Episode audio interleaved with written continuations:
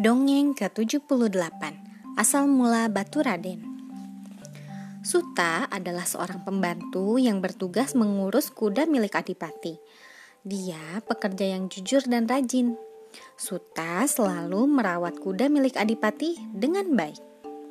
Seperti biasa, hari ini Suta membersihkan kandang kuda milik Adipati.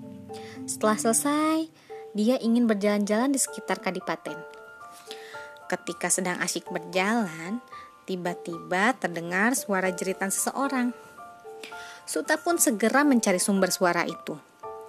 Ketika melewati sebuah pohon besar, Suta melihat seorang gadis. Gadis itu berteriak meminta tolong. Ternyata dia adalah putri Adipati. Di depan gadis itu ada seekor ular yang sangat besar. Suta sebenarnya takut pada ular itu tapi dia tetap berusaha menolong putri. Suta segera mengambil sebuah kayu besar, kemudian memukulkan kayu itu ke kepala ular. Akhirnya, putri selamat dari serangan ular.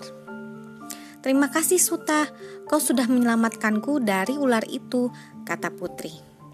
Sudah menjadi kewajibanku untuk menolong putri, kata Suta. Suta lalu mengantarnya kembali ke rumah. Sejak saat itu, Suta dan Putri semakin bersahabat. Suatu hari, Suta menghadap Adipati dan bermaksud meminang putrinya. Apa? Beraninya kau meminang anakku? Ingat, kau hanya seorang pembantu. Kau tidak sederajat dengan kami, kata Adipati. Adipati kemudian berusaha menjauhkan putrinya dengan Suta ia menyuruh para pengawal menangkap Suta. Pengawal, tangkap dia dan masukkan ke penjara, perintah Adipati. Suta dimasukkan ke dalam penjara bawah tanah yang sangat gelap. Penjaranya digenangi air setinggi pinggang. Ia semakin menderita dan tidak diberi makan. Keadaan Suta yang sangat menyedihkan terdengar oleh Putri Adipati. Putri pun ingin menolong dan membebaskan Suta. Ia pun meminta bantuan kepada emban pembantu kepercayaannya. Aku punya rencana. Ketika para pengawal lengah, diam-diam masuklah ke dalam penjara, bebaskan Suta. Aku akan menunggu kalian di taman belakang dengan seekor kuda, kata putri. Malam telah tiba, rencana pun dimulai. Emban perlahan masuk ke dalam penjara dan membebaskan Suta. Suta yang sedang sakit dipapah oleh Emban ke taman belakang Kadipaten. Di sana, Putri Adipati sudah menunggu. Betapa bahagianya sang putri bisa melihat Suta. Emban, terima kasih kau sudah menolongku. Jika ayah bertanya tentang aku dan Suta, jawab saja kau tidak tahu apa-apa.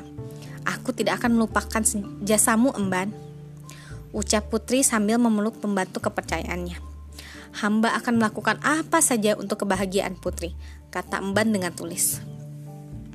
Putri kemudian membawa Suta pergi jauh dari Kadipaten. Mereka menjalani kehidupan dengan menyamar sebagai rakyat biasa.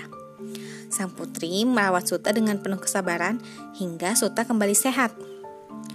Sudah berhari-hari Suta dan Putri pergi mengembara. Akhirnya, mereka sampai ke daerah yang subur di kaki Gunung Slamet. Suta pun menikahi putri dan menetap di sana. Kini daerah itu bernama Batu Raden. Nama ini diambil dari kata batur dan raden. Batur berarti pembantu, menunjukkan kedudukan Suta sebagai pembantu Adipati. Sedangkan nama Raden menunjukkan kedudukan sang putri sebagai putri Adipati. Batu Raden sekarang menjadi tempat wisata di bawah Jawa Tengah. Sekian, terima kasih telah mendengarkan. Selamat malam.